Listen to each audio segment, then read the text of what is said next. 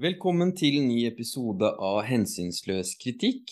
I dag skal vi se litt på hvordan eh, grunnrente har blitt eh, brukt av norske marxisanter, som vi kaller dem. Altså, vi har et par eksempler på eh, et par teoretikere som forsøker å bruke grunnrente for å diskutere ja, forskjellige problemstillinger. Og den første som vi skal snakke om, er en artikkel av Helge Rygvik på Gnist, som er eh, tilgjengelig for alle, med en tittel som jeg ikke husker nå, men eh, det gjør kanskje du, Oskar? Grunnrente, oljepengene og moral. Ja. Nå har dere allerede gått litt videre, men jeg vil gjerne spurt litt tilbake, for jeg vet ikke egentlig hva en marxisant er. Kan dere bare si det fort? En marxisant er en som Det er et begrep vi eh, vi må innrømme at vi har fra Jørgen, eh, fra gode Jørgen Sandemose, som han pleide å bruke for å, for å harselere over sine motstander, motstandere, deriblant undertegnede. Eh, for, for å si det sånn, da. Eh, det som, som slår om seg med Marx og marxistiske begreper uten å liksom forstå substansen i de begrepene. Og eh, ja, ikke sant. Liksom, men liksom, som liksom marxer uten å ja, ja. egentlig eh, skjønne Marx. Og eh, typisk for Sandemose var jo sånne liksom sosiologiserende forklaringer. Ah, Dybdahl, ikke sant. Skjønner han, han vil slå om seg med Marx, men han er, han er redd for Klassekampen, så han trekker ikke et eller annet sånt. Men, eh, så vi er ikke helt, skal ikke gå helt i de baner, men men begrepet er nå litt artig. Og i hvert fall må man vel si at noen av noen av de vi har funnet fram, er eh, det er marksing, og ikke så mye Marx. Jeg skjønner. Takk.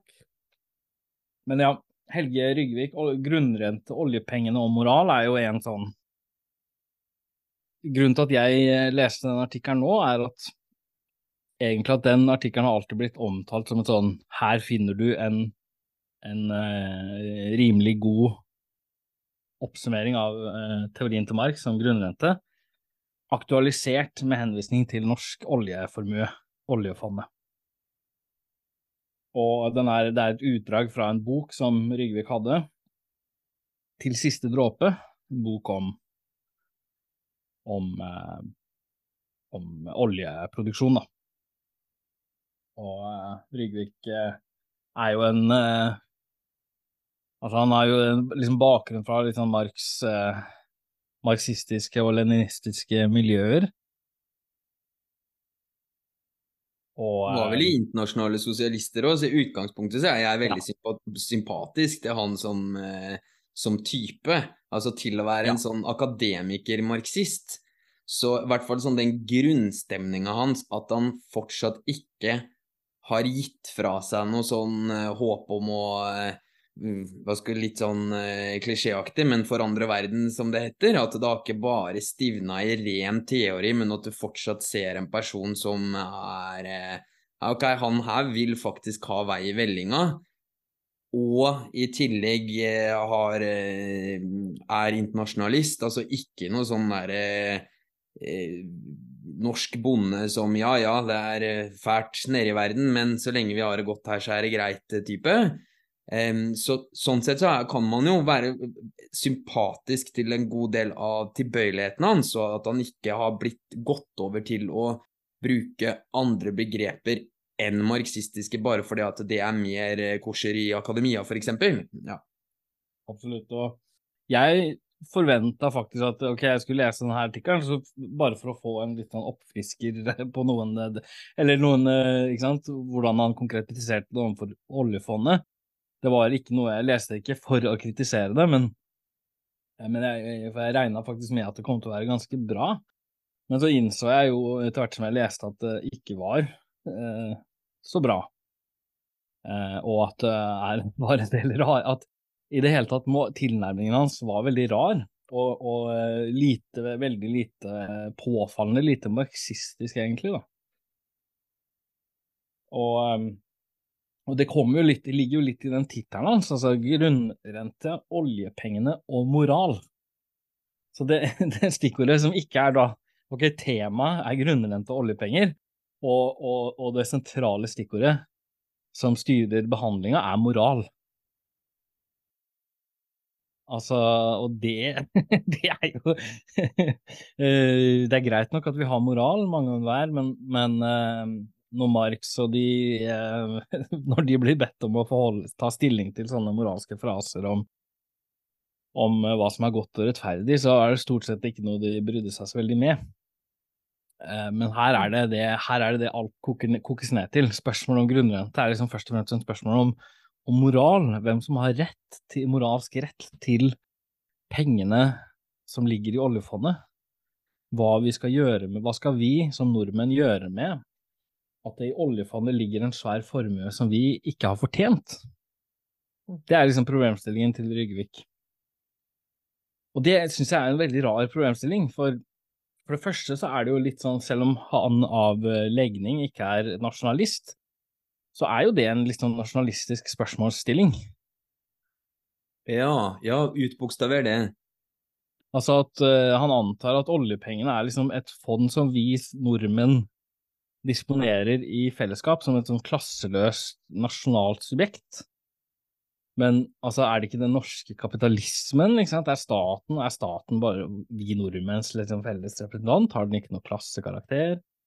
Altså, her blir det liksom Den klasseaspektet forsvinner helt, og det blir liksom et spørsmål om hvordan vi nordmenn skal forholde oss til at vi råder over en formue som vi ikke har skapt, ikke sant. Mm. Eh, klasse, klasseaspektet ved det spørsmålet blir bare fordufter bare helt.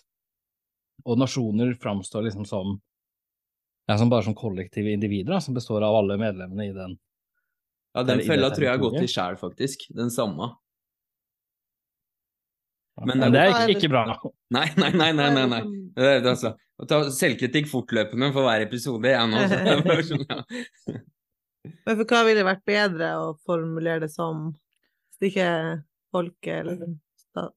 Altså, det, det, er en, en, en uh, formue som liksom den norske uh, den kap norske kapitalistiske økonomien og gjennom da dets liksom, politiske representant har tilegna seg og plassert i et fond. Eh, ikke sant? Men, men, men, det er liksom Altså, den, den, står ikke i et helt Vi, den norske arbeiderklassen, har jo ikke noe sånn uh, umiddelbart eierskap over det fondet. Det brukes jo mest til å beherske oss, uh, mer enn det, hvis man har en liksom, klassebasert tilnærming til samfunnsanalyse, så må man jo mene det. sånn at der bare, allerede der er det noe rart, da. Mm. Der begynner liksom det rare. Ja, for hadde man brukt penga, så hadde det jo blitt press på lønninger og vanskeligere å holde arbeidsløsheten eh, eh, på et visst nivå, ikke sant, så den hadde jo mest sannsynlig gått ned. Du hadde riktignok kanskje fått litt inflasjon, men du hadde hatt en forhandlingsposisjon blant arbeiderne som mest sannsynlig hadde vært mye sterkere, så det å trekke alle de penga ut av økonomien hvert eneste år sørger på en måte for at du har en del eh, eh, disiplineringsmekanismer som fungerer i andre land som ikke renner over av så mye grunnrente, skulle man jo tro. For hvis de bare hadde blitt brukt, de penga, eh, så hadde jo arbeidsløsheten mest sannsynlig gått litt ned. Altså hvis de hadde liksom, blitt brukt kontinuerlig. Ja. ja. det, er ikke et hvilket, det er liksom ikke bare et fond som nordmenn råder over. Det, er, det har jo noen Ja. Nei. Så det er noe, En annen ting er jo det der med at Altså, det han er veldig interessert i Ryggvik, er, er hva, hva, man krav, hva, man har moralsk rett på. Og, og, og, og, han viser til Adam Smith og til liksom klassiske økonomiske teoretikere som definerte seg som Adam Smith definerte seg jo som en moralfilosof. Og det ser Ryggvik på som noe positivt. Og han liksom antyder at Marx òg var en sånn moralfilosof når han snakka om verdi. Og her, det er jo også eh, nokså tvilsomt.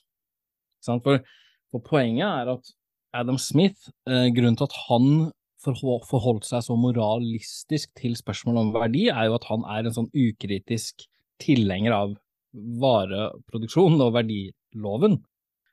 Sånn at for han så er det altså et samfunn hvor mennesker bytter varer i henhold til verdien de inneholder, hvor like verdier byttes mot like verdier. Et sånt samfunn er moralsk og godt. Da, da respekterer man hverandres uh, egenverdi, og, og, man tjener på hver, hvert bytte, og liksom alle, alle får det bedre enn før. Så i henhold til den liksom prokapitalistiske ideologien, så er vareproduksjonens lover, eller verdiloven, den er synonym med hva som er moralsk og godt. Så da kan, man, da kan den økonomiske teorien smelte sammen i en moralteori. Men Marx kan jo ikke gjøre det. For, for Marx så er jo hele poenget at utbyttingen, en klasses utbytting av en annen, er helt forenlig med verdiloven. Den skjer ved i og gjennom eh, bytte av eh, verdier, bytte av like verdier mot hverandre, formidler, er, er helt forenlig med en klasses herredømme over og utbytting av en annen. Sånn at verdi for Marx er ikke noe moral, det er ikke synonymt med liksom god og moralsk oppførsel. Det er bare den økonomiske logikken til det kapitalistiske samfunnet. Altså er det synonymt med den økonomiske logikken han ønsker å oppheve. Sånn at den sånn at kan, Det gir jo ingen mening å si at Marx liksom overtar den der moraliserende tilnærmingen til verdi. Og, og, og liksom si at over den som har skapt en verdi, har krav på den verdien. Det, liksom, det jo ikke, henger jo ikke på greip i det hele tatt. Men Adam Smith sin eh, teori, var det litt sånn da at eh, Bare for å forstå han her eh, Rygvik, var det sånn at ja, kapitalisten har krav på det han får, fordi at han har på en måte investert og han har tatt en risiko. Er vi liksom der? Det er også det som også jeg syns er litt rart, at Rygvik virker Må jo egentlig antyde det, da at det fins altså noen, som har, noen som har moralsk rett på noe, og hvis eh, når han gjør så mye ut av at eh, grunneierne ikke har moralsk rett til eh, den grunnrenta de tilegner seg, som er liksom det sentrale poenget hans, og da må han jo mene at kapitalistene har moralsk rett til produkt, den profitten de tilegner seg. Og jeg vil bare si det marxistiske poenget i denne forbindelsen er liksom at altså, det, hvem det her, bryr seg altså, Hvem som har moralsk rett eller ikke, det er, det er liksom ikke det interessante. Eh, poenget er at, eh, poenget er at, at grunneiendommen ikke lenger er nødvendig. Ikke sant? Den grunneiendommen i et kapitalistisk samfunn er bare et er bare en for, levning fra fortida som bremser eh, systemets utvikling og står i veien for ikke sant? Eh, står i veien for produksjonen og klasseforholda sin utvikling. Sånn at det som er galt med grunneiendom, er, ikke er jo ikke at det er umoralsk, men det er at den er antikvarisk, at den tilhører fortida. Og på samme måte, og det er jo i økende grad også et problem med kapitaleiendommen. Så det er liksom ikke noe absolutt skille mellom de to heller. Kapitaleiendommen, tenk på eierskap til produksjonsmidlene? Kapitalist, vanlig, ja, kapitalistisk privateiendom, eiendom av en fabrikk, da. Ja. Og når liksom, sånn som Rygvik tolker Mark, så er det liksom at å, grunneiendom, det er umoralsk. men poenget er jo å vurdere den i en historisk sammenheng, og i, i sin tid så var, må man jo si at grunneiendommen var progressiv, at den hadde en, spilte en nødvendig rolle for kapitalismens utvikling, og dermed for sosialismen. Fordi eh, poenget til Marx er at grunneiendommen, og grunnrenta sånn sett, da, er eh, nødvendig for at kapitalismen kunne oppstå, fordi det er liksom den store aristokratiske grunneiendommen som gjør at uh, som, som, fordriver arbeiderne fra jorda og liksom skaper en lønnsarbeiderklasse og sånt noe. Så at den historien er liksom forankra i grunneiendommen. Uh, og, det er der man får kapitalismens opprinnelse.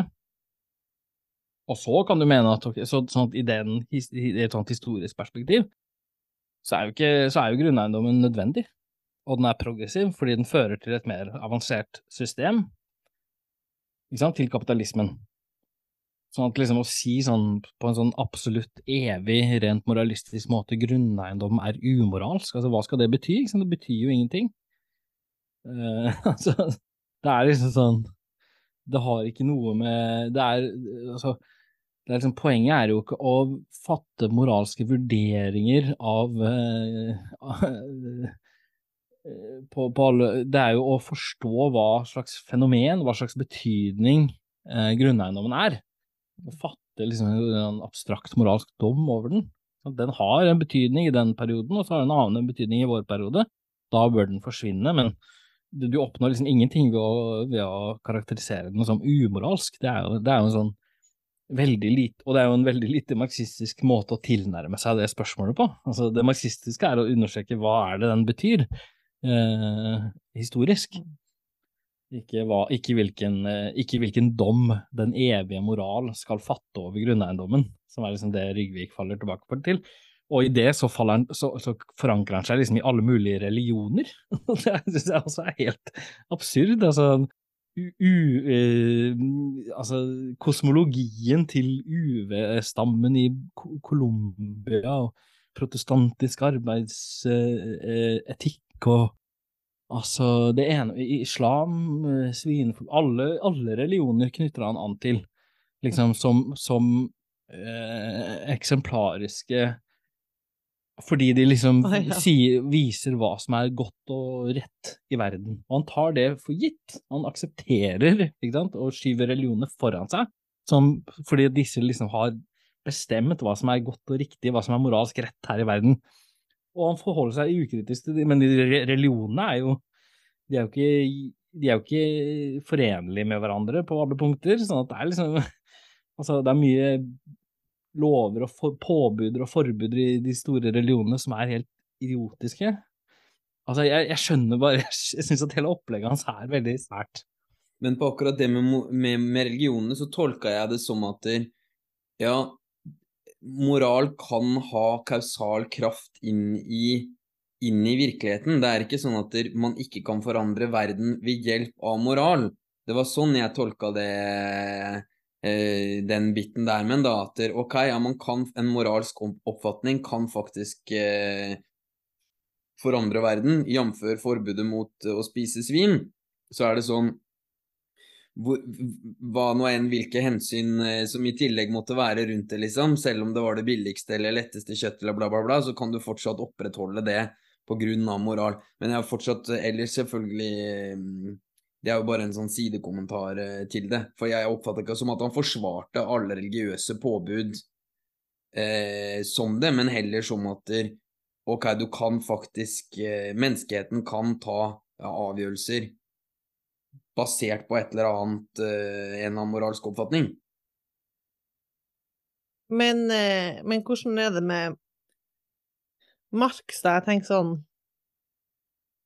Når han analyserer arbeiderklassen og hvordan de eh, Hvorfor de burde si, løsrive seg fra de lenkene de er i, har det ikke noe moralsk aspekt der? Altså om han treffer han eh, i Kapitalen bind 1 f.eks., så forteller han jo på en måte hvor forferdelig de forholdene er, og det virker jo på en måte helt sånn moralsk forkastelig at noen skal kunne leve under sånne forhold og likevel være nederst på rangstigen, på en måte.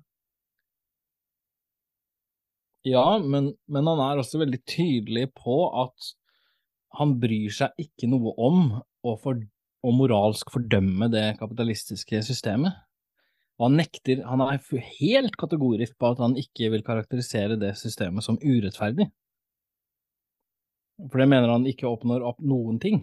Eh, tvert imot, ikke sant. Så insisterer han jo på, når han insisterer på noe, så insisterer han på at det er rettferdig. At bytte av verdier som inne, ikke sant, eh, normsystemet i et kapitalistisk samfunn, det kretser rundt prinsippet om at like, verdier skal byttes mot verdier, og like i like størrelsesforhold. Og det prinsippet sant, insisterer jo Marx på, både i polemisk og teoretisk sammenheng, eh, at det, det prinsippet eh, blir opprettholdt i lønnsarbeidet. Når en kapitalist kjøper en lønns, arbeidskrafta til en lønnsarbeider, så kjøper han den for dens fulle verdi, og likevel kan han tilegne seg merverdi. Det skjer ikke på en urettferdig måte, det skjer i, i tråd med liksom det samfunnets eh, eh prinsipper og normer. Det, det skjer gjennom eh, at den, det opprettholdes. Og, og, også at sånn, det å kritisere liksom, kapitalismen for å være urettferdig, er noe som Marx er liksom veldig sånn At det er noe veldig sånn overfladisk og uradikalt ved det. Fordi at du, du Da aksepterer du sant, de norm, normene egentlig til eh, det kapitalistiske samfunnet, prinsippet om liksom, verdi og, og verdibytte, og så anklager du det for å ikke Så prøver du liksom å, opp, å, å hevde de prinsippene på tvers av systemet, men er liksom, du, du liksom tør, klarer ikke å helt ta og, og, føre kritikken radikalt på en radikal og konsekvent måte. Mm. Problemet er jo ikke at fordelingen er urettferdig, problemet er at produksjonen er sånn at sånn, det, det, kapitalistiske produksjonssystemet trenger jo merverdi. Hvis ikke den blir på en måte stjålet i anførselstegn fra arbeiderne, så, så fungerer ikke systemet. Sånn at den tilegnelsen er liksom en nødvendig del av måten det, det fungerer på. Og uh, hvis man driver og uh, gjør, gjør, gjør, mye ut av at det er sånn, urettferdig at de rike blir rike, at de tjener profitt, uh, hva skal liksom det bety, ikke sant? når, når, den profitten er en del av, er en nødvendighet for at, det skal, for at produksjonen i det hele tatt skal finne sted, så er det liksom meningsløst å sutre over det det, det, som er meningsfullt, er å, er å, klargjøre at dette er et, et, bestemt system med visse betingelser, og innenfor de betingelsene så er profitten nødvendig, så er merverdien nødvendig, så er klasseutbyttingen nødvendig, men det er mulig å endre, det, endre de betingelsene og, og, og eh, fjerne privateiendommen, og under nye betingelser så vil ikke det lenger være nødvendig. Sant? Mens, liksom, mens det å snakke og bable om hva, hva, som er rettferdig og urettferdig, moralsk og umoralsk, det jo bare, står jo bare i veien for å forstå hva som egentlig står på spill. Sånn, som å si å, det, det de rike tar fra oss, det er urettferdig. Eh, du bidrar ikke på noen måte til å klargjøre og, og, og illustrere hva som, hva som må gjøres og hva som ikke må gjøres. Og tvert imot, så ja, det, mener du da at kapitalisten ikke fortjener noen profitt, da, eller? Du får liksom sånne eh, meningsløse diskusjoner, og til slutt så ender du opp som Arbeiderpartiet, som sier at de rike fortjener vår eh, respekt og anerkjennelse. ja. Som du, noe du jo må se, si til syvende og sist, da. Ja, ja. Men det er liksom, hva skulle de ellers ha gjort? Det ville vært uansvarlig av en kapitalist å ikke få profitt, for da går jo hele bedriften konkurs. og altså sånn, Så det, jo, det er jo det, de må jo, de gjør jo det de må gjøre, på en måte. Så sånn sett er det jo veldig Og de, de, gjør, de gjør, det de må som personer, og de, også, de gjør det, det som er nødvendig for at systemet i det hele tatt som et produksjonssystem skal fungere og kunne tilfredsstille menneskelige behov. Mm. Ja, det finnes ikke noe fins ikke noen reproduksjon i et kapitalistisk samfunn som er det som liksom mye som, som uh, behovstilfredsstillelsen i samfunnet finner sted gjennom. Det fungerer jo ikke om ikke det finnes profitt. Om ikke profitten liksom tilegnes fra arbeiderne, om ikke utbyttingen finner, finner sted. Altså, så liksom, det, er bare en, det er bare sånn det fungerer. og det er, du oppnår absolutt ingenting. Det er sånn typisk sånn som Marx Engels formulerer seg. Jeg mener det er veldig, veldig viktig. Du oppnår ingenting ved å bable i vei om at det er i strid med den evige rettferdighet. Altså, hva, hva skal du oppnå med det? Det er, det er nå engang sånn det fungerer og må fungere. Og hvis du har lyst til å gjøre noe meningsfullt, så kan du spesifisere hvilke endringer vi må gjøre for at det ikke lenger skal være nødvendig. Det er meningsfullt, men å bable om evige, hva som er i strid med den evige rettferdighet, det er eh, ikke særlig meningsfullt. Det er på en måte at du har noen rammer, og når du skal, må bevege deg innenfor de, så hjelper det ikke å snakke om det, men hvis du skal kunne snakke om det, så må du på en måte bevege deg ut, utenfor det, da, på en måte, eller på en måte Altså, det er jo bare sånn altså, Det moralske aspektet ved det er liksom ikke veldig viktig, da. Det er jo det, det man må diskutere, er hva vi må endre. Konkret hvilke institusjoner og eiendomsformer og sånne ting. Altså øh, hva som er rettferdig og ikke. Man bryr seg om det, liksom. Det er jo ingen som fortjener inntekt Hele poenget til Marx er jo at ingen i et kapitalistisk samfunn fortjener sin inntekt. Sånn arbeideren fortjener jo ikke lønna si. Lønna står jo ikke i noen forbindelse til uh, arbeidet som arbeideren utfører. Det er ikke noe han fortjener.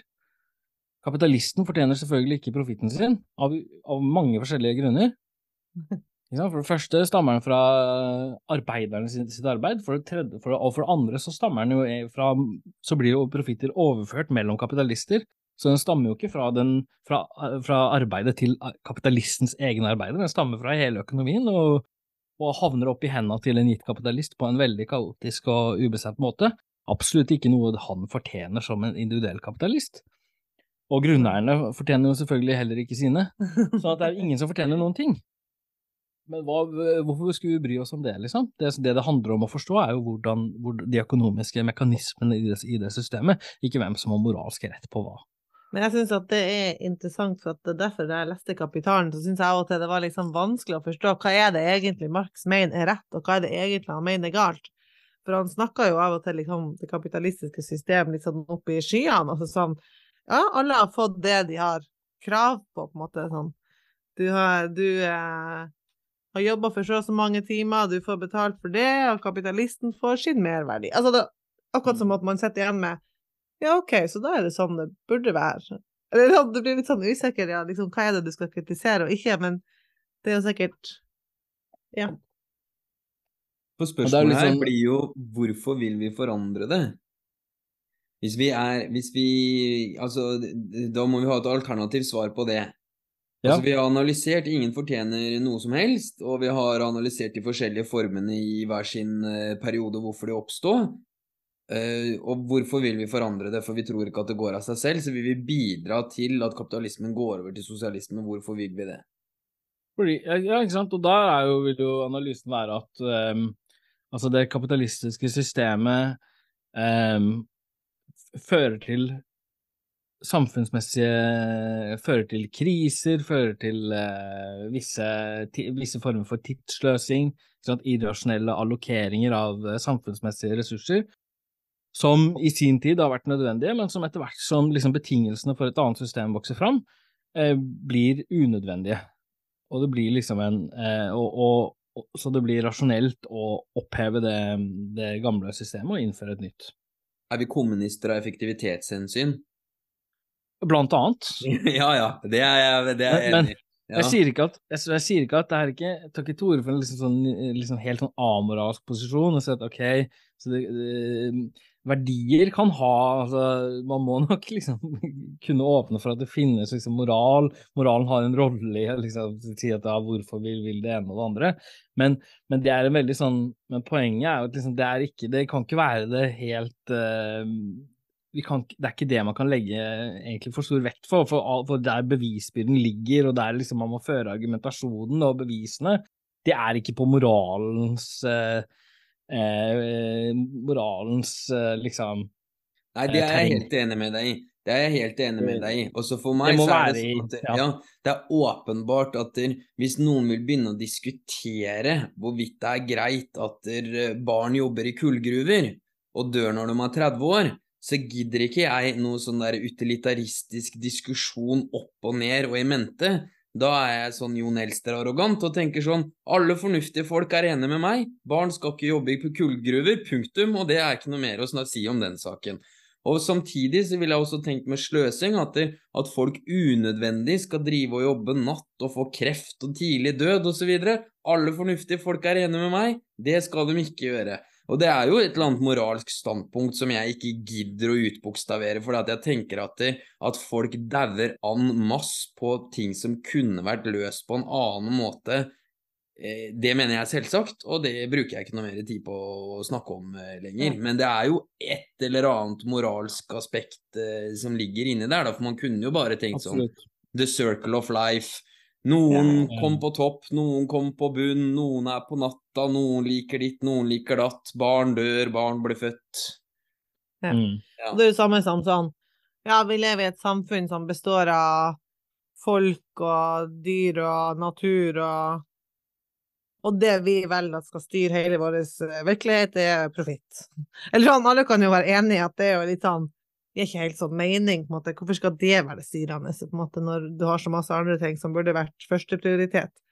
Så jeg tenkte, så det er jo noe mer sånn Men det er jo kanskje ikke moralsk, men mer sånn logisk.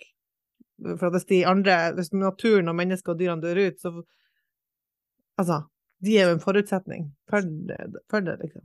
Ja, sånn som i forrige podkast, som også handla om grunnrente og mer sånn teoretisk om det, så var jo, kom vi jo, viste vi jo eh, at eh, liksom sløsing på grunnrente er nødvendig i et kapitalistisk system. Det at alle produkter fra jorda, som innebærer liksom jord og grunn, og ekstraktiv industri, det eh, fordyres.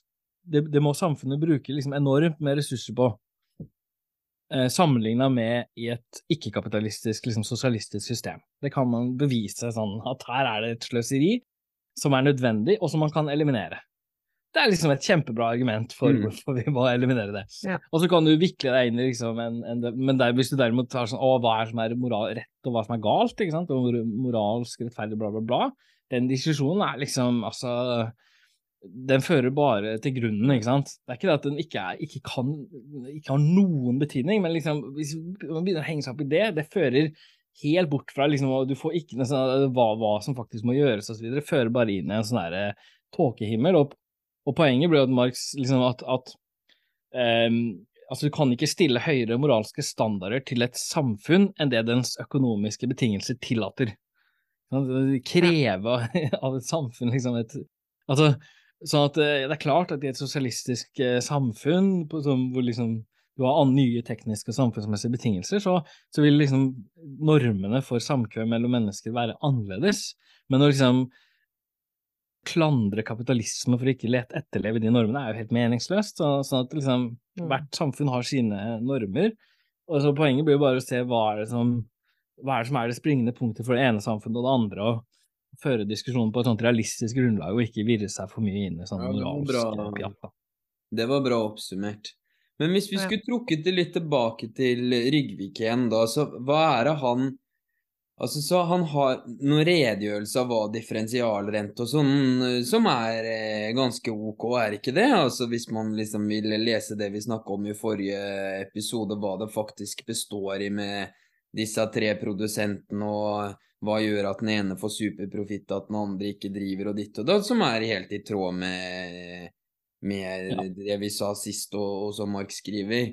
Men så mm. er det da at det er to moralske poenger om Det ene er at fordeling av oljefondet, liksom, hvem har moralsk rett på de penga som står der, som hvor det er en implisitt eh, nasjonalisme som du har utbokstavert allerede, om at det var vi Eller ikke, altså det er vi nordmenn som eier dette nå, og vi nordmenn har ikke noe moralsk rett på det. Og så noe mer om å hente opp olje i framtiden eller et eller annet sånt noe. At det liksom er de sånn hovedpoengene hans. Sånn, han, sånn sett, han, bli, han, blir jo liksom en sånn Det Marx så i Prodot. For eksempel Prodot ja ville bevare det økonomiske systemet, egentlig, men bare, men bare, finne måter å gjøre det mer rettferdig, mer, bringe det i samsvar med den evige rettferdighet. Og han liksom forstår ikke hvor, hva som må endres for å liksom endre et system fra det ene til det andre. Mm. Og der er liksom Rygvik, egentlig. Sånn som når han sier at altså verdi, Marx eh, teori antyder at arbeiderne må, få hele verdien. Poenget til Marx er jo at når arbeiderne overtar, så må verdien også forsvinne. Uh, så det er liksom det er mye mer systemkritisk. Det får han ikke med seg. Eller når han begynner, han begynner å drøfte veldig hva, hva, er det vi gjør med grunnrenta da, når vi overtar, ikke sant? Skal vi finne en eller annen prisingsstrategi for å eliminere dette greiene? Altså, men, mens, mens, vårt poeng i forrige podkast var jo at liksom det, hele grunnrenteproblematikken vil jo forsvinne når du opphever, når du går over til samfunnsmessig produksjon da grunn, altså det, det, er ikke betingelse lenger for at grunnrente eh, er et Det kan ikke oppstå lenger. Simpelthen for at man beregner altså differensialgrunnrente, for eksempel, man beregner liksom produksjonskostnadene ut, ut, fra hva som er de gjennomsnittlige nødvendige. og da, da er bare grunnrenta ikke, en, ikke, et spørsmål lenger. Og, og når man og da begynne å liksom drøfte hvordan man skal finne pris, prisingsmekanismer for å løse det. Det er igjen sånn derre du vil bevare det økonomi gamle økonomiske systemet, men liksom reformere det i henhold til moralske prinsipper. Altså det er jo helt sånn helt misforstått, da. Ja, og bare sånn at det blir helt sånn klart for meg, for du sier ja, i et sosialistisk samfunn så vil man ikke produsere verdi, sier du. Mm. Og, og for det at eh, verdi impliserer utbytting, eh, eller Ja, vil du. Vi har jo vært haka inne på det, sånne temaer i tidligere podkast, men, men eh, poenget er at verdi, økonomisk verdi, er en er måten et privatøkonomisk, liksom kapitalistisk system håndterer de samfunnsmessige forbindelsene mellom produsenter, fordi de, disse forbindelsene ikke blir koordinert på en, på en åpen, liksom forhåndsplanlagt måte. Sånn da, da skjer det gjennom varenes verdi, som liksom, hvor den samfunnsmessige karakteren, karakteren til arbeidet i det samfunnet hevder seg da gjennom den, denne verdien. Tilbud og etterspørsel. Ja, som, som igjen kommer til uttrykk gjennom tilbud og etterspørsel. Ja. Eh, men bestemmes av arbeidsinnholdet i varen. Eh, den mekanismen forsvinner så snart du går over fra kapitalismen til sosialismen, fordi sosialismen er ikke et privatøkonomisk system, det er et samfunnsøkonomisk system, kan du si. Det er en samfunnsmessig produksjon, sånn at, eh, sånn at verdien får ingen plass lenger. Det er bare at man beregner eh, hvilken tid ulike arbeidsoppgaver tar, og, og, og allokerer sin, sine tidsressurser til ulike oppgaver i tråd med det. Det er sånn planlegging før og ikke etterpå. Ja, sånn at liksom, det er bare ikke verdi, spiller ingen eh, Verdi mister sin betydning. Ja. Den tilhører fortiden. Men du har fortsatt en tidsøkonomi. Du har fortsatt en tidsøkonomi. Eh, sånn, at, sånn Mm. at det som er verdiens grunnlag i et kapitalistisk samfunn, det fortsetter å eksistere. Sånn, det at du må fordele tid mellom Ja. ulike aktiviteter, det er grunnlaget for verdi i kapitalismen. Det fortsetter å eksistere. Det må man forholde seg til. Men det, det gjøres nå liksom gjennom, gjennom bevisste og viljestyrte avgjørelser ved samfunnet, og liksom ved samfunnets medlemmer, og ikke lenger da gjennom varens spontane verdi, da som en sånn selvregulerende greie, som ikke mennesker styrer over og bestemmer. Ja. Bla, bla, bla. Det er liksom sånn kort sagt, men, det er liksom sånn eh, veldig tydelig at Marx mener at ok, verdien i et sosialistsamfunn, da forsvinner det bare. Ja. Så det å snakke om å, å fordele verdi, det er jo sånn, da snakker du om å, å opprettholde kapitalistiske økonomiske forhold i et samfunn hvor kapitalismen er overskredet. Det er en sånn synkretisk posisjon. Du kombinerer ting som ikke lar seg forene. Akkurat samme måte med grunnrenteopplegget til Ryggevik også. Ville ha liksom prissettingsstrategier i et samfunn uten varepro... Altså, det er jo ikke lenger priser i egentlig forstand. Det er liksom måle... Det er an, an, anslag og mål av samfunnsmessig tidsbruk. Men, men, men liksom, det, er ikke, det er ikke priser som uttrykk for verdier lenger, da. Sånn at det er, noe det, er, det er som det er noe prodonistisk ved det, at han liksom har en tendens til å ville opprettholde de eksisterende økonomiske forholdene, men bare liksom gjøre det mer moralske. Og da, blir, da er det viktig at du liksom har en sånn målestokk for hva som er den, som er den eh, justice eternelle, som var det Marx liksom veldig hardt håna Prodot for å gjøre. Mm. Og jeg liksom jeg vil si at her ser man det på nytt, da. Det er jo veldig klassisk, er det ikke det?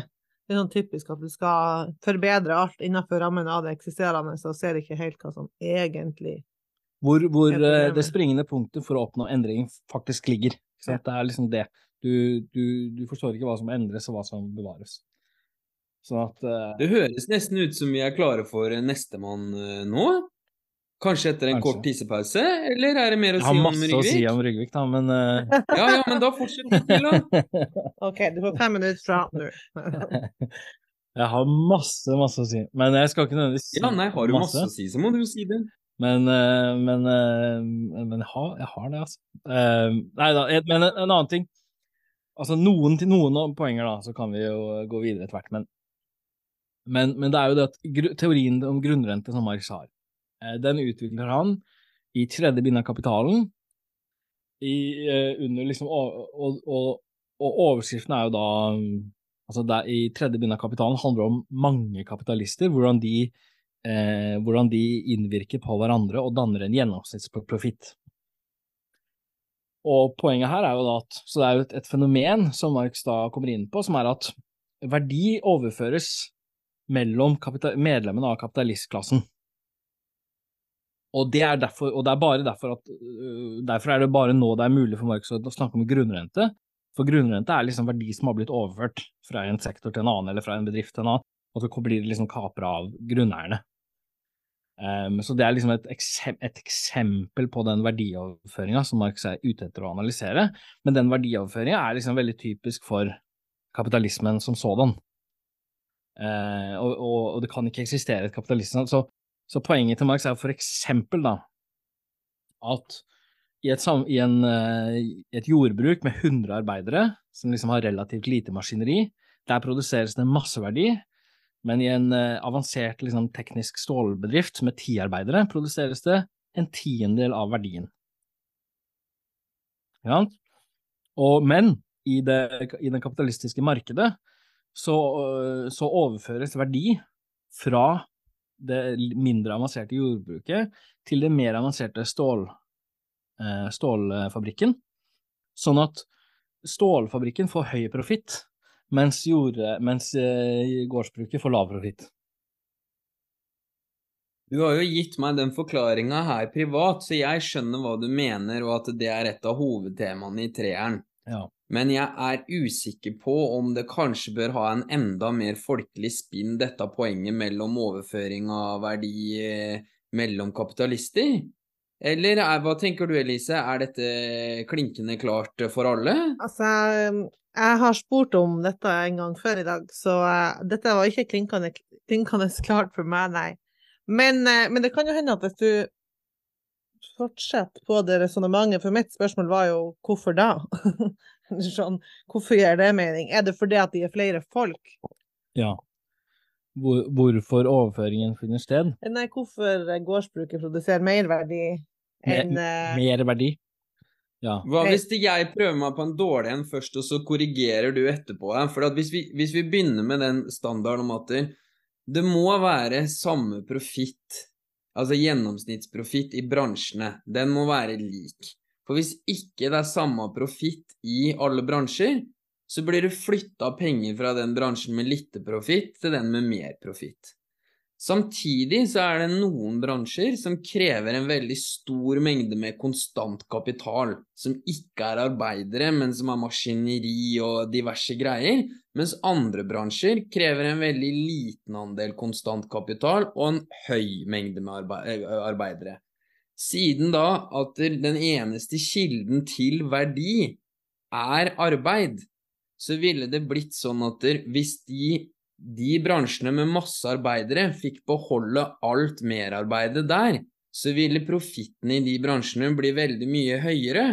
Og det hadde ikke fungert, for da hadde vi ikke hatt noe stålverk, men vi hadde hatt masse frisører.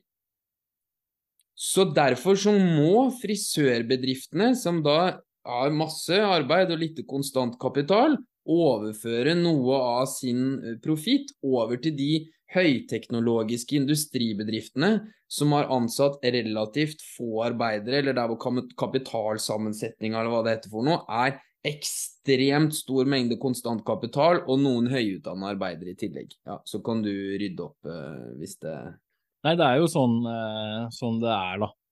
Og så er det viktig å understreke bare at den overføringen av verdi, det at verdi overføres her og der, det er jo en helt sånn spontan, ubevisst prosess som ingen Det gjøres ikke bevisst. Det er ikke noe sånn at frisørene får masse verdi, og så sier at vi må sende det til eh, stålprodusentene, liksom. Eh, som dessuten sier til oss at det er ikke noe an å hår, leve av å klippe håret på hverandre. Nei, det er ikke et møte i NHO som eh, sender ut kuponger. Eh, nei, det, skjer, spontan spontant gjennom, gjennom liksom et, et, ubevisst prissystem. da. Men det, liksom er, men det er likevel logikken i det, at gjennom prisene som dannes på markedet, så blir verdi overført fra en bedrift til en annen.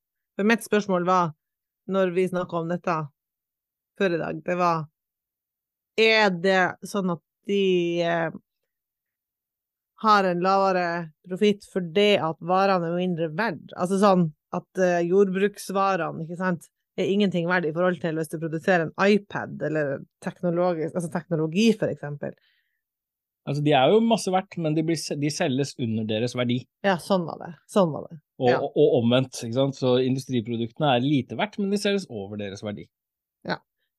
Så prisene og, og hvordan liksom de spontane prisene blir satt, at jordbruksprodukter eh, har en lavere pris, det er på en måte inni det her bildet å forklare. Ja, det er, det er liksom sånn det fungerer. Og, men i hvert fall så poenget blir at Og, og, og, det- som blir av helhetsresultatet, er jo at sånn alle kapitalister i samfunnet, de lever liksom av samme pott.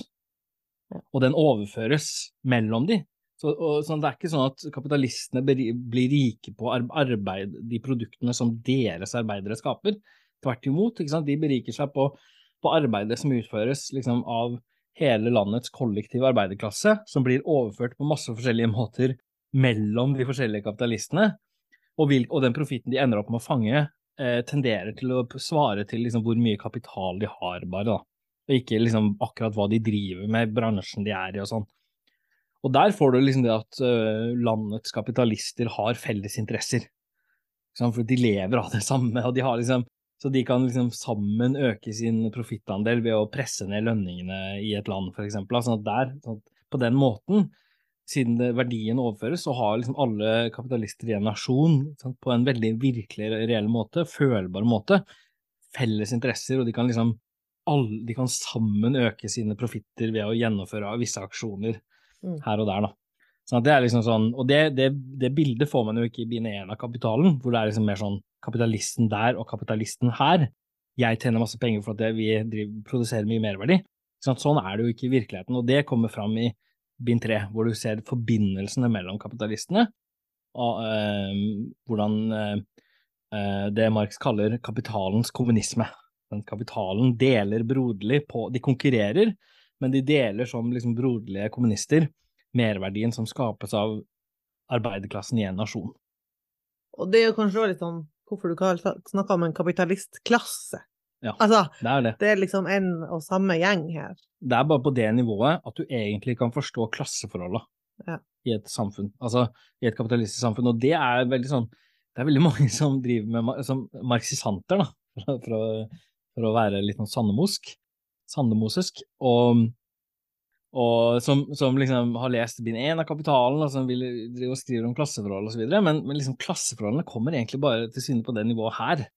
Og det, der er det mange som ikke. Men En jævla tålmodighetsprøve å komme seg til at man kan eh, virkelig snakke om klasseforhold. Altså, det er, eh, ja. det eh, er en lang inngangsbillett før man liksom eh, kommer seg i mål på det der. Men jeg må bare si, det er jo bare litt artig, for at hvis man tenker på det her som vi nettopp har snakka om, da, og hører, hvis du bare ser sånn kjapt på dagens Norge sånn Ja, nei, klasse eksisterer jo ikke lenger. Eller det blir jo litt sånn artig, nesten, når du tenker den frasen der. Har de ikke lest bind 3 av Kapitalen, eller? Nerds. Det er jo så ekstremt tydelig at åpenbart gjør det det, på en måte. Det er veldig litt artig at Men i hvert Men nå må jeg tisse før du går videre med Ryggvik. Nå må vi, altså Jeg trodde det skulle bli fem minutter, men vi har jo bare hatt en, eh, en sånn oppvarming. Ja, men jeg må tisse, det går bra. Da er vi tilbake igjen. Ja, Nå har vi en ny drink, så nå kan jeg fortsette. veldig bra. Jo, så nå, poenget og grunnen til at jeg tok opp det med verdioverføring mellom ulike bedrifter, er jo at det, det viser jo for det første at igjen det der at ingen av Det er jo ingen av kapitalistene som har, som har krav på profitten de får. Profitten de får, er ikke verdi de har skapt selv. Det er en verdi som stammer fra andre deler av hele, Fra økonomien som sådan. Mm. Sånn, så den derre Men men Rygvik bruker liksom verdibegreper fra bind 1 av kapitalen for å omtale et fenomen som beskrives i bind 3 av kapitalen, og som egentlig, egentlig bare kan forstås med utgangspunkt i produksjonsprisbegreper. Eh, og der er det egentlig klart at disse verdiene overføres og ikke tilhører noen, og da kan du ikke Og den der moraliserende talemåten er bare mulig i bind én, på en måte. Den er ikke mulig nå lenger. Ehm, Sånn at det, det, det, er veldig rart. Altså, det er kapital... Ja. Ehm, det er veldig tydelig at kapitalistene får ikke verdiene som deres egne arbeidere har skapt. Um, det er bare og, og, og det er ikke mål det, det ville ikke vært noe bra om de fikk det heller.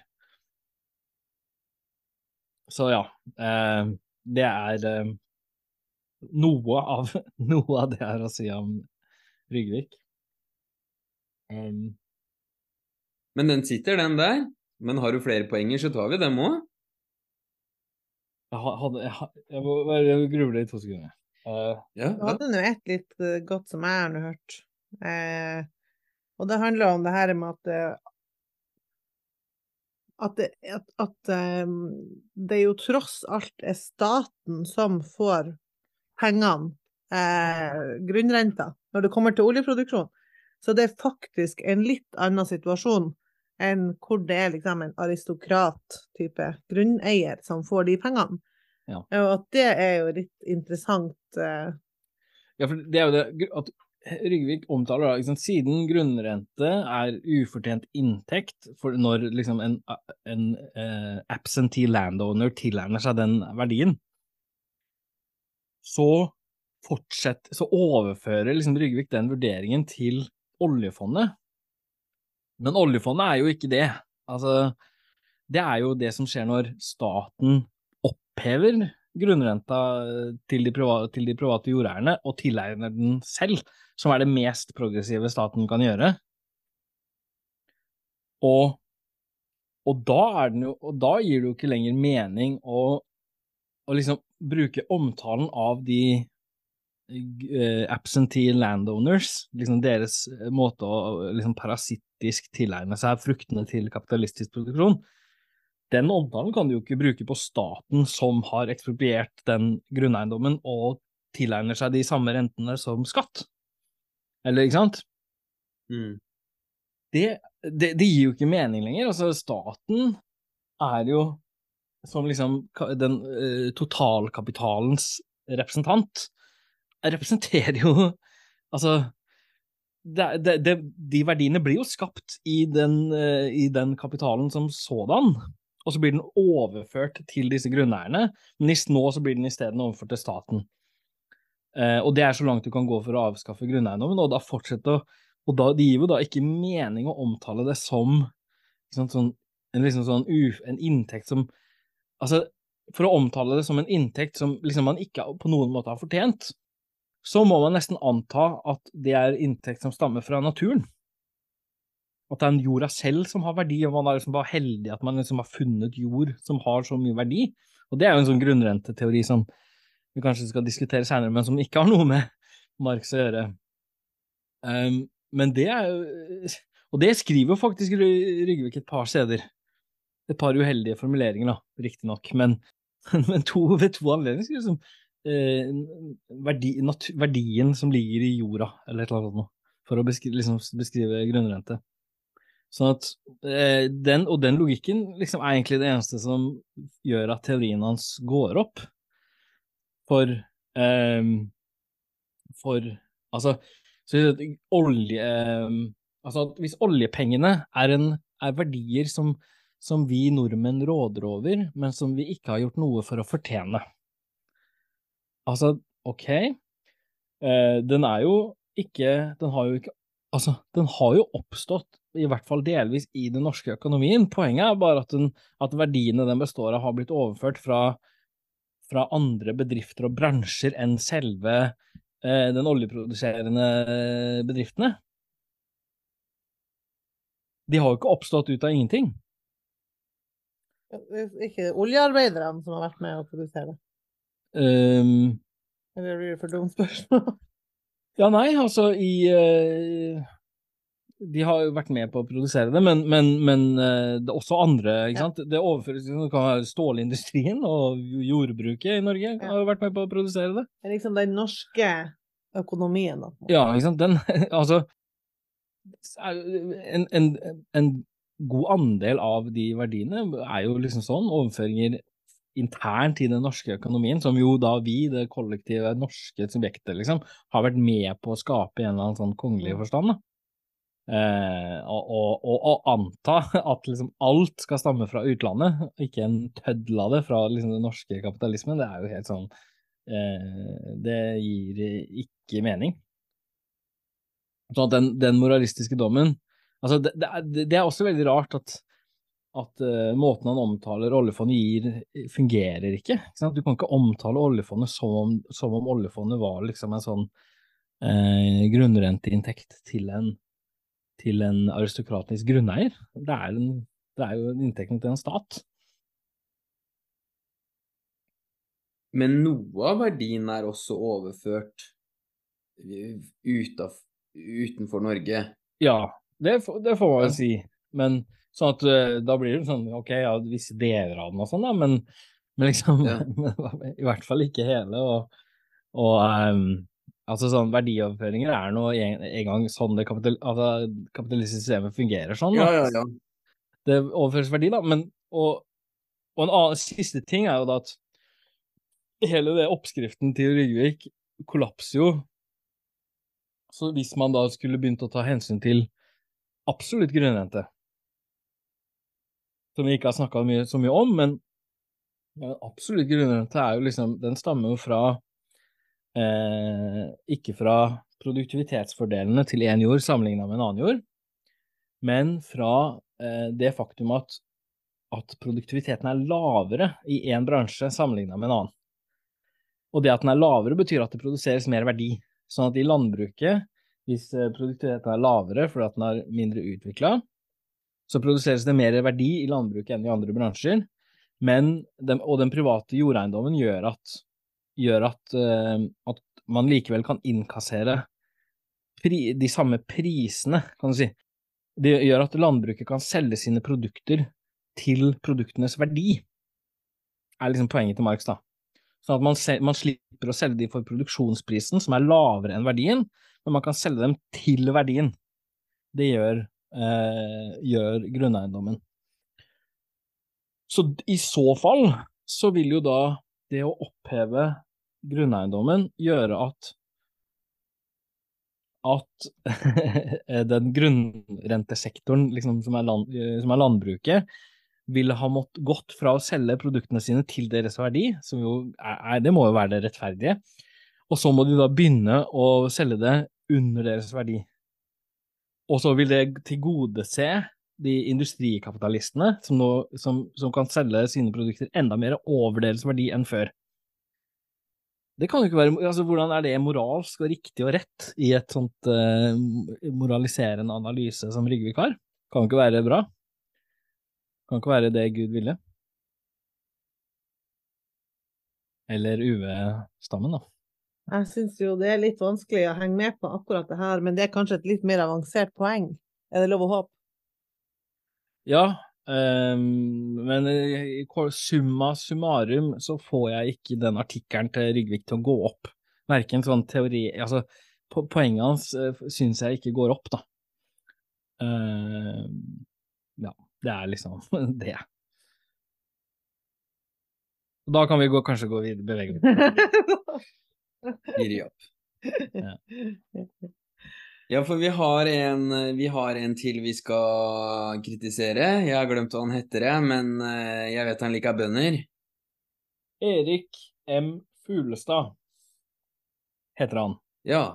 Vår neste diskusjonsmotstander. Og det tyter ut artikler av han. Jeg så til og med at han hadde skrevet noe i Dagens Næringsliv eh, for eh, ikke så lenge siden heller.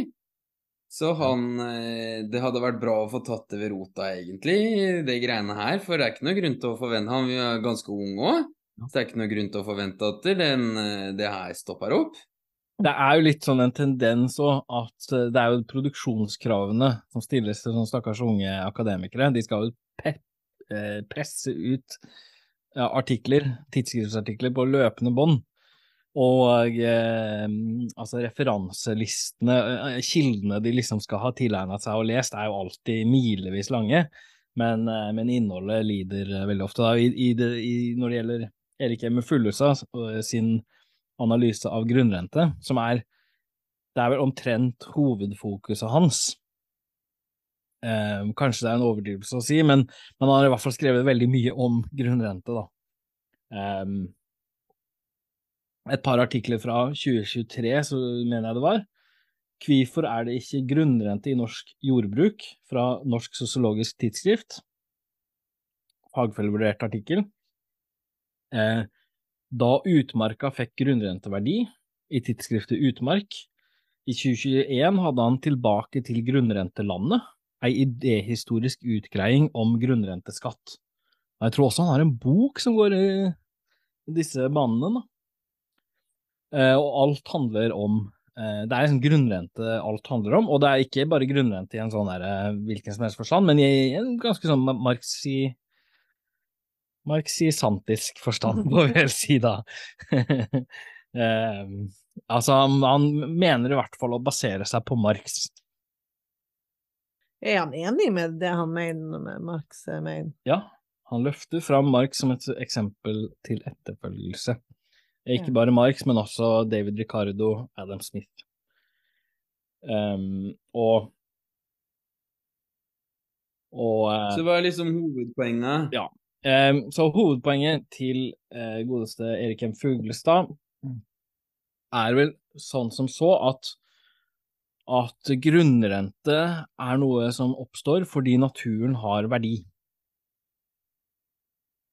Og den verdien naturen har, eller får, eller blir tillagt i det økonomiske systemet, det eh, er, kan, er, det vi kan kalle, kan kalle, grunnrente. Og den tilfaller da gjerne eierne av naturen, eierne av jord. Men nå fins det da ikke grunnrente. Um, så da, Det er derfor, jf. den ene artikkelen jeg nevnte, hvorfor er det ikke grunnrente i norsk jordbruk? Det finnes ikke grunnrente, mener han da, fordi naturen ikke blir verdsatt. Så Og det kan det finnes ulike grunner til. altså det er Markedskreftene tenderer ikke til å verdsette naturen. Kanskje det er det judeokristne verdenssynet eller et eller annet, men, men eh, det er nå i hvert fall sånn at vi ikke gjør det. Og da oppstår det ingen grunnrente, fordi eh, naturen får liksom ikke den verdien den skulle ha. Og han um, Og så liksom det politiske poenget hans, han jobber jo for en sånn uh, litt sånn ruralis, det er sånn uh, bonde... Noen rurale greier. Ja, Uh, tenketank for eh, norske bønder. Og, um, og um, Så det er liksom så hovedpoenget hans blir at, at uh, det ikke liksom Det burde eksistere grunnrente, men det eksisterer ikke fordi vi ikke verdsetter natur nok. Litt sånn. Men det greiene her er jo i motsetning til Rygvik bare rør. Al altså eh, ja. ja. Er ikke det? Jeg syns jo det var mye rør i Rygvik, da. Men, men ja, Jo, jo, jo, jo, jo men, men, eh, rør på et, på et annet nivå, liksom. For her har han Én ting er at man kan liksom si det med Rygvik, at ja, han har ikke satt det inn i den historiske konteksten og begynner å moralisere over et begrep og misforstå hvor han vil og sånn, så kanskje konsekvensene av den misforståelsen blir like ille. Men her virker det jo som om, om han tar begreper fra Marx og sier noe helt annet om dem og bare snur opp og ned alt ettersom eh, hva som kreves for å få mer penger til bøndene. Altså, det Det, det er helt irrasjonelt. Det, det, er virkelig ja. Og det, er, det her er han har skrevet en drøssevis av artikler i fa, vi, norske vitenskapelige fagfellevurderte artikler. og det har sikkert gått gjennom sant, tre massevis av fagfeller og redaktører. Og, og, og, det han har å formidle, er er, er så eh, på hodet, for, så forvirra og forvridd, at det er liksom eh, ganske utrolig, da. Sånn, så enkle poenget er jo at liksom Han knytter han til eh, Marx og Ricardo og sånt noe, og mener at ja, de hadde en sånn trefaktoranalyse av verdien eh, til en vare. Ok, du har en del som stammer fra jorda, en annen del stammer fra kapitalen, og en tredjedel eh, stammer fra arbeideren. Og, Og øh, mens nå forstår, har vi liksom ikke, forstår vi ikke lenger det at øh, varene har en verdidel som stammer fra naturen, for vi setter ikke pris på naturen lenger. Og det, det, er liksom Det er så misforstått som det går an å få det. Sant? Hele poenget til Ricardo og Marx er at all verdi stammer fra arbeidet, og bare fra arbeidet, og ikke en eneste millimeter stammer fra naturen. Verdien. Ja, verdien. Bruksverdien stammer jo masse fra naturen, men, men, men ikke en eneste krone av verdien kan stamme fra eh, naturen, ikke sant. Da faller du tilbake fra den klassiske økonomien til liksom det sånn, franske fysiokratiet som var det. De mente jo at naturen, at naturen var det eneste som hadde verdi, på en måte. Det er jo en sånn gammel økonomisk doktrine som, som eh, Adam Smith og Ricardo eliminerer. Og som Marx setter veldig pris på at de eliminerte. Ikke sant? Så, så det der med Det er liksom helt, helt misforstått, da. Eh, for at det Marx tvert imot ønska å gjøre, var å eliminere, var jo rydde av veien fullstendig den teorien om at eh, verdien har tre kilder. Jorda, arbeideren og, og eh, kapitalen. Kan da etablere veldig tydelig en sånn arbeidsverditeoretisk forståelse, at verdien har én en eneste kilde, arbeidet. Og den, eh, og den, eksisterer i form av gammelt arbeid, som er, det, kapital, som er det eneste kapitalet er, og i den grad jorda egentlig har noen verdi, så er det også gammelt arbeid. Men, eh, men i utgangspunktet er jo jorda da ikke verdi i det hele tatt, for det, det er ikke oppstått gjennom menneskelig arbeid, det eksisterer fra naturens side og har ikke noen verdi.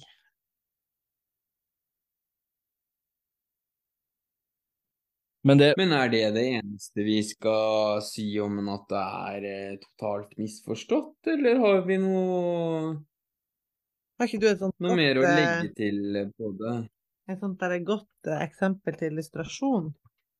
Altså, man kan jo eh, For det er, det er jo det med det som Den forvirringen som uh, vår venn uh, Erik M. Fuglestad gjør seg skyldig i, er jo noe som Marx legger stor vekt på at er karakteristisk for det samfunnet vi lever i. Altså at det er liksom en sånn en hverdagens religion, en mystifiserende forestilling om det kapitalistiske økonomien, som er typisk for aktører i en sånn økonomi. Sånn den økonomien framstår for oss nettopp på den måten. Altså, det framstår for oss som om verdien stammer fra jorda og fra kapitalen og fra arbeidet. Og det mm. krever vitenskapelig anstrengelse, anstrengelse og innsats for at vi får den mystifiserende forestillingen på avstand, og liksom klarer å sette ting sammen på en mer rasjonell måte. Det er ikke sant. Mens liksom, så det, det, er, det, er, derfor Marx kaller det treenighetsformelen. Etter, for det er liksom en nesten sånn religiøs mystikk som omgir de kapitalistiske eh, hverdagslivet, og, gjør, og, får det til å framstå som naturlig. Og han prøver å liksom, kritisere og undergrave den mystikken, da. Um, ved å vise at, at eh, det er bare ja, forvridde former for det, over, eh, framtredelsesformer for det systemet. Og, og, det er jo liksom det, Men det den forvirringen består av, er at man kan si at, at inntekt framstår som produksjon. Sånn at, at det bare fordi man får av å eie jorda, så får man en inntekt, så framstår det da som om at jorda i seg selv er en kilde til verdi. Det at jorda gir inntekt, eh, gjør, at det ser ut til at jorda produserer inntekt. Og, og, men, men, produksjon og inntekt må holdes det er et av hovedbudskapene til Marx, at de må holde strengt atskilt, og man må liksom skille veldig sterkt og analytisk mellom de, og ikke blande de. Um, men den, en, men, og den samme forvirringen er jo sånn du tror at fordi at en person tjener mye penger, så må han ha produsert veldig mye for samfunnet. Sant? Og litt sånne oversikter vi noen ganger finner òg, at og her har du den og den, personen, han har tjent ti milliarder, ikke sant. Han har åpenbart produsert enormt for det norske fellesskapet. Du slutter bare ukritisk og uten videre fra det faktum at noen, noen har, har, en inntekt, til å si at ah, da har de dermed produsert den inntekten, liksom. Mm. Ikke, en, ikke, en, veldig god antakelse, da. Og, og, den samme er den samme mekanismen som gjør seg gjeldende her, hvor du ser sånn jorda gir en inntekt, dermed er den en kilde til verdi. Kapitalen gir en inntekt, dermed er den en kilde til verdi. Mm.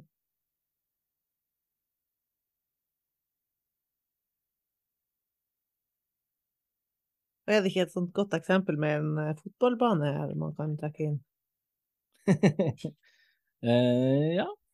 Jo, det syns jeg passer, hadde passa seg. Ja, jeg sier, du det. Eh, nei um, Du kan si, bruke en sånn eh, analogi at um, en, uh, en, en Spillingen av en fotballkamp finner sted på en fotballbane ved hjelp av fotball og mål og, og spillere.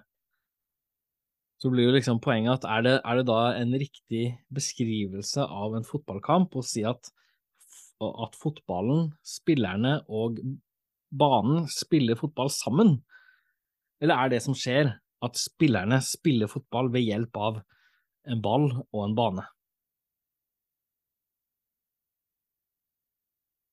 Ja, altså sånn at... Vi tipper vel på det siste eksempelet, det siste alternativet. Vi, vi går for det. Ja. altså Alternativ B, endelig svar avgitt. Veldig bra, gutter. Det var helt rett. Det er et godt eksempel for å illustrere. I hvert fall. Det her er produksjonsfaktorteorien som Marx var eh, opptatt av. Eh, den fins i det eksisterende økonomifaget den dag i dag, eh, men kalles nå eh, for For hva heter det? To drinker inn i podkasten, det begynner å bli Teorien om grenseproduktivitet, eller marginalproduktivitet, heter det vel nå, da, i, i dagens økonomifag. Hvor, hvor liksom det er mye, mye, det samme som Marx eh, diskuterer, men på et litt sånn annet teoretisk grunnlag. Altså, økonomifaget endra seg jo en del på slutten av 1800-tallet med den liksom marginalistiske revolusjonen.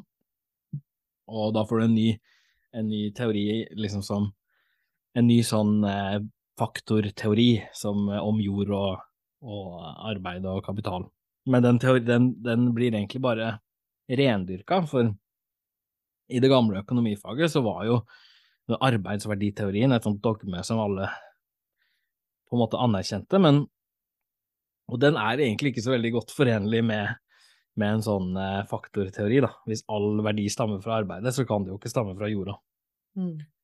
Men med den marginalistiske revolusjonen, 1880-tallet og utover, så, så forsvinner det dogmet fra økonomifaget. Man, man gir opp arbeidsverditeorien, og og det blir mer sånn, eh, ja Mer tilbud og etterspørsel eh, fokusert, og fokusert på liksom de subjektive vurderingene til markedsaktører, hva som bestemmer verdien, osv. Og, og da får du en sånn eh, teori om, om grenseproduktivitet som, som, eh, som, som, reproduserer den gamle triaden, den gamle treenighetsformelen, ved at den sier at at uh, liksom den, den, uh, det produktet som en, en ny innsats av, av arbeid, for eksempel, kan føre til, hvis du kan liksom øke innsatsen av arbeid med én, og så får du en, en, et økt produksjon med én, så har du vist at ok, da har du en grenseproduktivitet på én, sant? Eller du kan øke innsatsen av jord, eller øke innsatsen av kapital, og så kan du øke produksjonen Hvis, hvis det vil øke produksjonen med så og så mye, så har du liksom vist at ok, der har du en, en grenseproduktivitet på den faktoren da, som er så og så stor. Og, og, dermed, på den måten, skal du da liksom kunne bestemme verdi, bidraget til verdien som, som gjennomføres, eller som, som henholdsvis da arbeidet og jorda og kapitalen står for. Og det var jo noe som den gamle teorien ikke egentlig klarte, der var det ganske utydelig nøyaktig hvordan du skulle finne fram til det. Her har man liksom en slags matematisk prosedyre for å, for å gjennomføre den uh, vurderingen, da. Men det er uh, og, og også, jeg syns også det er litt interessant, du har den personen som, som lanserer den nye teorien, John B. Clark, har eh, beskriver liksom hvorfor den teorien er så viktig, og, og, og gjør det veldig klart at det det, det handler om, er å, er å avgrense mot sånne marxistiske og Mm. sosialistiske opprørere som vil, som vil ekspropriere kaka, da. Eh, som Clark sier i den eh, banebrytende boka The Distribution of Wealth, skriver Clark, det er samfunnets rett til å, til å eksistere i dets nåværende form, og sannsynligheten av at det vil fortsette å eksistere, som står på spill. Hvis arbeiderne skaper en liten mengde av rikdommen og får hele denne mengden, så vil de kanskje ikke forsøke å revolusjonere samfunnet. Men hvis det skulle vise seg at de produserte en stor andel, men bare fikk en liten del av den, så ville mange av dem bli revolusjonære, og de ville være i deres rett dersom de ble det. Så den teorien om grenseproduktivitet hadde helt klart en liksom politisk eh, motiv. Hvordan år er vi sånn cirka på når han skrev det her, da? Eh, jeg husker ikke. Nei, men er det liksom 1800-1900? Nei, det er jo seinere, begynnelsen av 1900-tallet, men eh, Ja. på grunnlag av den revolusjonen som, Ja. som hadde funnet sted i økonomifaget, da. 1920 eller et eller annet sånt noe. Ja. Men eh, Lenge siden. Ja, gamle dager. Eh, men det er den som er fortsatt i dag, altså er det den ikke sant, Når du har eh, begynner, begynner å drive med profitteori i dagens økonomi og snakker om det, så er det her da er det det som er det, teori, det, er det som er referansepunktet. Ja. Og eh, det er det som er liksom grunnlaget for, for at man kan snakke om sånn arbeid, kapital og jord i vår, vår, vår tid. Så den treenighetsformelen som sier at det er tre kilder til verdi, den sørger for at arbeiderne ikke blir klar over at de er den eneste kilden til verdi, og unngår derfor at de blir revolusjonære. Og Fuglestad sier det at ja, denne treenighetsformelen ikke bare er det ny økonomisk teori, men også de klassiske arbeidsverditeoretikerne støtta bak den, den formelen her. Og at nå ser vi ut til å ha glemt at nå, har vi, nå må vi få litt mer fokus på denne grunneiendommen framover, så bøndene kan innkassere grunnrente. Det er i, i bunn og grunn det han sier. Eh, selv om han ikke har det klart for seg at eh, Han sier bare at den gamle trefaktorteorien har forsvunnet, og at vi burde få den tilbake igjen. Og at Marx, sånn som, sånn som Marx, da, som var en tilhenger av det her, og så siterer han noen ting av passasjer fra Kapitalen, som, hvor det jo, poenget til Marx jo egentlig er at han kritiserer de forestillingene som Fuglestad trekker fram og, og setter pris på. Da. Det er, det er en, en ekstremt forvirra eh, opplegg han gjennomfører. Jeg leste den jo veldig dårlig, må jeg innrømme, og det var jo etter at du gjorde meg oppmerksom på at i litteraturlista at han har sitert faren til Jørgen Sandemose istedenfor Jørgen Sandemose, så han tilskriver Aksel Sandemose masse kred for sitt arbeid med grunnrente. Så tenker jeg sånn Ja. Jo, jo, jo, det er jo det det står. Arbeidene til Aksel Sandemose. Ja, ja. Og det er jo litt sånn eh, akademiasykdom òg. Du skal sitere så mye som mulig og bløffe at du har lest alle tekster i verdenshistorien. Og det er jo umulig at han har lest den boka han henviser til, eh, som var den Jørgen Sandemose sin Class and Property, en sånn, eh, noe av det siste han utga, da. Og som i og for seg har en helt glimrende framstilling av hva grunnre grunnrente er. Og det er jo åpenbart at han da skriver feil navn. At den har han Ja, ikke ja, lest.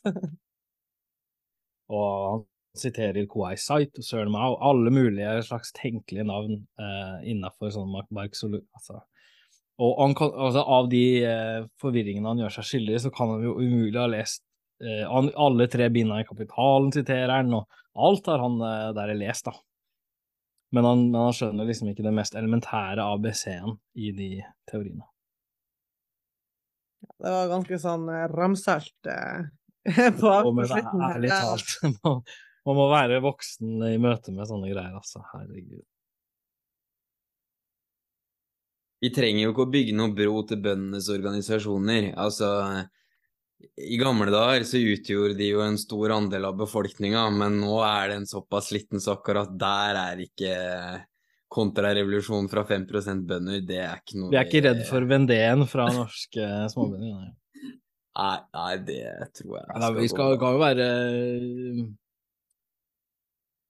Ja, nei, jeg er ikke så bekymra for motreaksjonen fra Ruralis i hvert fall, men, men, men nei da, men de får, får nå holde på. Eh, men, men, men, men, det er jo noe som har gått galt her, liksom. Altså, det er litt sånn hinsides alle Og jeg skjønner meg bare ikke på at det her har sluppet gjennom i 18 tidsskrifter og bokredaksjoner og alt mulig greier. At det, at det går an å holde på på den måten her det må da finnes noen, uh, som, uh, noen standarder, altså. Det er jo så synd når folk først henviser til Marx, sånn, for jeg tenker at det er jo veldig positivt at du klarer å ta med deg litt Marx inn i Ja, ikke sant? Uh, uansett hvilken tenketank du jobber i, men da er det bare så synd at det er helt misforstått. Og Det er jo der man kan skjønne at Jørgen gode Jørgen Sandem ble så sur på sine gamle dager, og, og, og, og, og forakta de som skrev om Marx mer enn noen andre ja. han uh, så i sin ferd.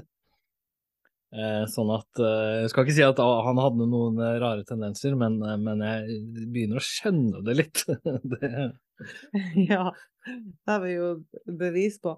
Men man må jo huske, man må ikke miste håpet, da. For du var jo en av de han kritiserte, og nå sitter du her og har jo litt mer peiling, så jeg tenker at eh, man må jo Jeg har stått fram som en angrende synder etter å ha blitt uh, irettesatt av uh, Jørgen S. Ja. Så jeg bare mener at man må jo uh, selvfølgelig kritisere saklig, det kan jo også være hensynsløst, men at man nå vil jo motivere til at man fortsetter å lese og høre på Veien til frelse Fins en vei for frelse også for, for alle som sliter med grunnrenta. Men er vi der da, eller? Ja. Ja, da takker vi for oss.